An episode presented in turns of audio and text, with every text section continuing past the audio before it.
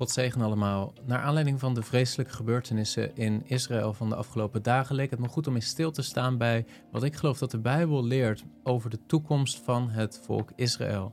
En om daarbij stil te staan wil ik met jullie kijken naar Romeinen hoofdstuk 11.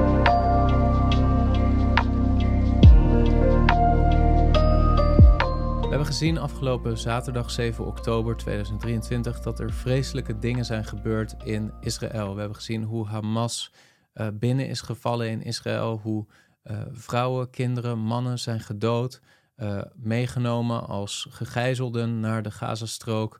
Um, vervolgens de onvermijdelijke reactie van Israël om weer de Gazastrook te gaan bombarderen, waarbij ook weer waarschijnlijk vele, vele ook vrouwen en kinderen hun leven hebben verloren. Vreselijke dingen hebben we gezien. En het roept altijd weer vragen op, ook bij christenen. Wat is de toekomst volgens de Bijbel voor het volk Israël? En wat mogen we verwachten dat er in de toekomst te gebeuren staat met dit volk? Um, ik wil in deze video niet zozeer stilstaan bij de politieke kant van Israël of het conflict tussen Israël en de Westbank en Gaza, de Palestijnen. Maar wat ik je wil laten zien is wat ik geloof dat de Bijbel leert over de toekomst van het volk Israël. Ik denk dat velen van jullie wel weten dat ik niet de bedelingenleer aanhang. Um, ik geloof dan ook niet zozeer in die dispensationele eschatologie. Uh, en soms de verregaande opvattingen die evangelische christenen hebben over wat er allemaal nog gaat gebeuren in Jeruzalem. Um, ik heb daar veel vraagtekens bij. Maar ook vanuit mijn positie zie ik wel degelijk bepaalde beloften, ook in het Nieuwe Testament, over het volk Israël, waarvan ik denk dat het goed is om daarbij stil te staan. En dan wil ik vooral met jullie kijken naar Romeinen hoofdstuk 11 en wat de Heilige Geest daar zegt over het volk Israël. Voordat we kijken naar Romeinen hoofdstuk 11, is het goed om te beseffen dat Romeinen hoofdstuk 11 eigenlijk het laatste hoofdstuk is van drie hoofdstukken waarin Paulus het thema, of eigenlijk de vraag beantwoordt, hoe kan het zo zijn dat Israël, het Israël naar het vlees, de volksgenoten van Paulus, de Joden, hoe kan het zo zijn dat zij hun Messias hebben verworpen, terwijl Paulus aangeeft dat Jezus de Messias is? dat is een vraag en een bezwaar wat vaker aan de voeten van Paulus werd neergelegd. Paulus, jij zegt dat Jezus de Messias is, maar hoe verklaar je dan dat Israël, het grootste deel, verreweg het grootste deel van Israël, van de Joden, hun Messias heeft verworpen? En we zien dat Paulus zijn verdedigingspleidooi op die vraag in Romein hoofdstuk 9 tot en met Romein hoofdstuk 11 geeft. En dan met name in hoofdstuk 11 gaat hij laten zien wat het Gods grotere plan is nog met het volk Israël. We gaan dat hoofdstuk samen lezen. Romein hoofdstuk 11 vanaf vers 1. Ik zeg dan, heeft God zijn volk verstoten? Volstrekt niet. Volstrekt niet, zegt Paulus. En wat bedoelt hij daarmee? Nou, in eerste instantie gaat hij zijn volstrekt niet-antwoord onderbouwen met het volgende. Hij zegt: Ik ben immers ook een Israëliet uit de nageslacht van Abraham van de stam Benjamin. Met andere woorden, zijn eerste bezwaarbeantwoording in Romein hoofdstuk 11 is: God heeft zijn volk niet verworpen omdat ik ook een Jood ben, zegt Paulus. En God heeft mij ook aangenomen in het evangelie van Jezus Christus. Met andere woorden, er is een deel, misschien wel een klein deel, maar er is een deel van het volk Israël, wat ook in de tijd van Paulus de Messias wel heeft aangenomen. En daar borduurt hij eerst op voort, Paulus, in Romein hoofdstuk 11.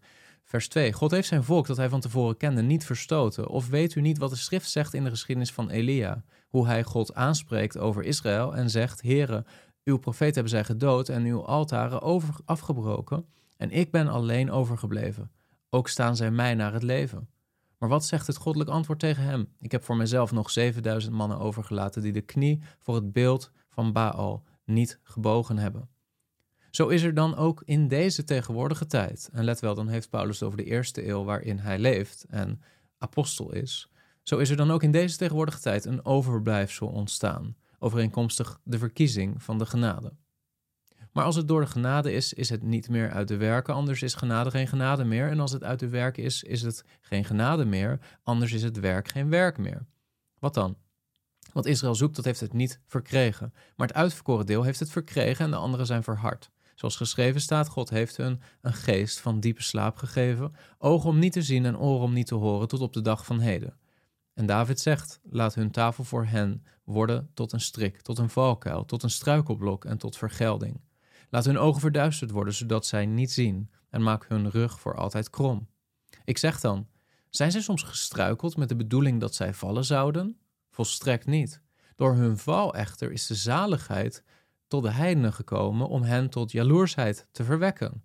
Als dan hun val voor de wereld rijkdom betekent en hun verlies rijkdom voor de heidenen, hoeveel te meer hun volheid. En nu begint de toon van Paulus te veranderen. Daar waar zijn eerste reactie is: God heeft zijn volk niet verstoten, want er is nog steeds een deel, ja, een klein deel, maar er is een klein deel in de tijd van Paulus die de Messias wel heeft aangenomen, gaat zijn toon nu veranderen. Nu begint Paulus antwoord te geven op de vraag: wat is het doel of wat is Gods grotere bedoeling met het feit dat het grootste deel van Israël in de tijd van Paulus de Messias wel heeft verworpen?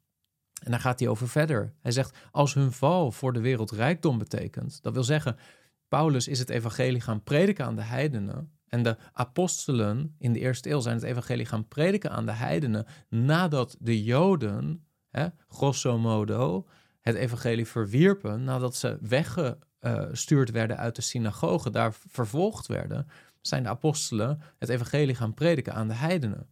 En zien we ook in het boek Handelingen hoe dat is gegaan en hoe God ook expliciet aangeeft dat dat de bedoeling is en toestemming geeft om het evangelie te verkondigen aan de hele wereld, niet slechts aan de Joden. Maar we zien dat God een bedoeling daarmee heeft. God heeft er een bedoeling mee dat de Joden hun Messias hebben verworpen. En lezen we verder, vers 13 vanaf Romein stuk 11. Vers 13. Want tegen u de heidenen zeg ik, voor zover ik de apostel van de heidenen ben, maak ik mijn bediening heerlijk.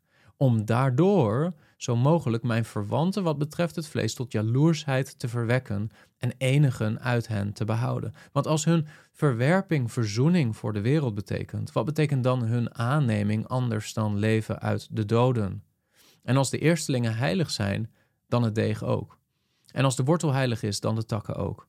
Als nu enige van de takken, van die takken afgerukt zijn, en u, die een wilde olijfboom bent, in hun plaats bent geënt en mede deel hebt gekregen aan de wortel en de vettigheid van de olijfboom, beroem u dan niet tegenover de takken. En als u zich beroemt, u draagt de wortel niet, maar de wortel u. U zult dan zeggen: De takken zijn afgerukt, opdat ik zou worden geënt. Dat is waar. Door ongeloof zijn zij afgerukt, en u staat door het geloof. Heb geen hoge dunk van uzelf, maar vrees. Want als God de natuurlijke takken niet gespaard heeft, dan is het ook mogelijk dat hij u niet spaart. Zie dan de goede tierenheid en de strengheid van God. Strengheid over hen die gevallen zijn, over u echter goede tierenheid, als u in de goede tierenheid blijft. Anders zult ook u afgehouden worden. En ook zij zullen, als zij niet in het ongeloof blijven, geënt worden, want God is machtig hen opnieuw te enten. Want als u afgehouden bent uit de olijfboom, die van nature wild was, en tegen de natuur in op de tamme olijfboom geënt bent, hoeveel te meer zullen zij, die natuurlijke takken zijn, geënt worden op hun eigen olijfboom. Want ik wil niet, broeders, dat u geen weet hebt van dit geheimenis, opdat u niet wijs zou zijn in eigen oog, dat er voor een deel verharding over Israël is gekomen, totdat de volheid van de heidenen is binnengegaan. Dit is belangrijk. Hier begint Paulus een geheimenis te onthullen. Ik wil niet, broeders, dat u geen weet hebt van dit geheimnis. Met andere woorden, Paulus zegt: Ik vind het belangrijk dat jullie, christenen uit de heidenen, weten van dit geheimnis. Dat er voor een deel, wat is het geheimnis? Dat er voor een deel een verharding over Israël is gekomen, totdat de volheid van de heidenen is binnengegaan. En dan lezen we vers 26. En zo zal heel Israël zalig worden, zoals geschreven staat: De verlosser zal uit Sion komen en zal de goddeloosheden afwenden van Jacob. En dit is het verbond van mij met hen, wanneer ik hun zonden zal wegnemen. Ze zijn weliswaar wat het evangelie betreft vijanden vanwege u, maar wat de verkiezing betreft geliefden vanwege de vaderen. Want de genadegave en de roeping van God zijn onberouwelijk. Zoals ook u immers voorheen God ongehoorzaam was, maar nu ontferming verkregen hebt door hun ongehoorzaamheid, zo zijn ook zij nu ongehoorzaam geworden, opdat ook zij door de ontferming die u bewezen is, ontferming zouden verkrijgen. Want God heeft hen allen in hun ongehoorzaamheid opgesloten, let op, om zich over allen te ontfermen. Wat Romein hoofdstuk 11 laat zien, zoals ik het lees, en ik geloof dat het niet echt mogelijk is om het anders te lezen, is dat de verharding over Israël de functie heeft gehad in de kerkgeschiedenis dat het evangelie is gegaan naar de heidenvolken. Maar Paulus geeft aan dat er een moment zal komen dat de volheid van de heidenen binnen is gegaan En vervolgens Gods aandacht opnieuw zal gaan naar het volk Israël, naar het vlees.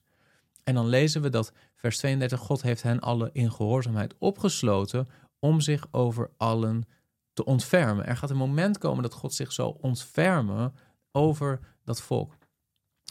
Mijn probleem met de bedelingenleer en met dispensationele theologie is dat uh, ik heb geconstateerd dat er ook veel mensen zijn die geloven dat God een soort ander verbond heeft met het volk Israël. En dat is niet wat ik hier lees in Romein hoofdstuk 11. Wat ik lees is dat er één olijfboom is. één olijfboom van geloof. Eén olijfboom waar de takken op geënt worden door hun geloof. En wat voor geloof is dat? Een geloof in God. Maar wat voor geloof is dat ten diepste nog meer? Het geloof in Jezus Christus als de Messias. Er is één olijfboom. Er zijn niet twee separate olijfbomen. God heeft één verbond. Een verbond in het bloed van zijn zoon Jezus Christus. Maar dat ene verbond is wel een verbond waarvan we lezen dat het volk Israël daarin zal binnengaan. En hoe zullen ze daarin binnengaan? Door geloof. God zal zich ontfermen over het volk Israël. En weet je, wat er precies gaat gebeuren in deze periode van politieke onrust, dat weet ik niet precies. En uh, hoe dit uiteindelijk verbonden is met Gods grotere plan, dat weet ik niet precies. Er zijn veel mensen uh, die menen dat te weten en ik weet het niet. Maar wat ik wel weet is dit: dat God nog steeds een plan heeft met het volk Israël. En dat er een dag zal komen dat God hun ogen zal openen voor hun Messias. Dat zij Jezus zullen zien voor wie hij is. Dat ze als het ware een ervaring zullen hebben zoals Paulus die ervaring had. Op die weg naar Damascus, waar opeens zijn ogen verblind werden doordat hij het licht zag van het aangezicht van de Heer Jezus. En waarbij Paulus vroeg: Wie bent u, Heere? En onze Heer antwoordde: Ik ben Jezus die u vervolgt. En hij werd verblind door dat licht. Ik geloof dat het hele volk Israël een vergelijkbaar moment gaat doormaken. Dat zij Jezus zullen zien. En wat, wat heeft Israël nodig van ons? Van ons christenen uit de heidenen. Dat wij onze bediening heerlijk maken. Dat wij laten zien hoe heerlijk het evangelie is van Jezus Christus. En dat wij ook tot het volk Israël blijven prediken.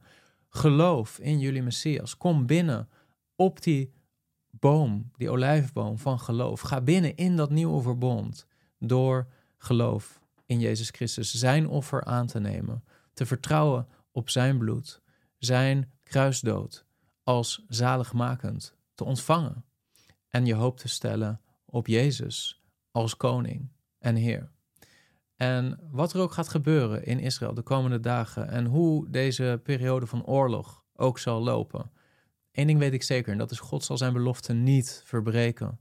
En God heeft in Romeinen hoofdstuk 11 duidelijk aangegeven, er zal een moment komen, ondanks de vele moeilijke eeuwen die het volk Israël heeft doorgemaakt de afgelopen 2000 jaar. Er zal een moment komen dat de ogen van Israël open zullen gaan en dat dit volk in grote getalen hun Messias zal zien zoals hij is. En hem zullen aannemen en in hem zullen geloven.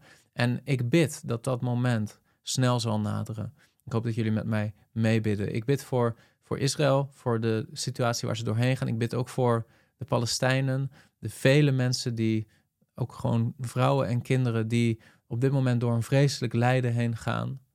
Uh, ik bid voor hen, maar specifiek bid ik ook dat Israël haar Messias zal gaan zien zoals hij is. En ik hoop dat jullie met mij meebidden. God zegen. Ik hoop dat deze video nuttig was voor jou. Als dat zo is, druk dan op like. En wil je vaker dit soort apologetische video's zien? Abonneer je dan op dit kanaal. Tot de volgende keer.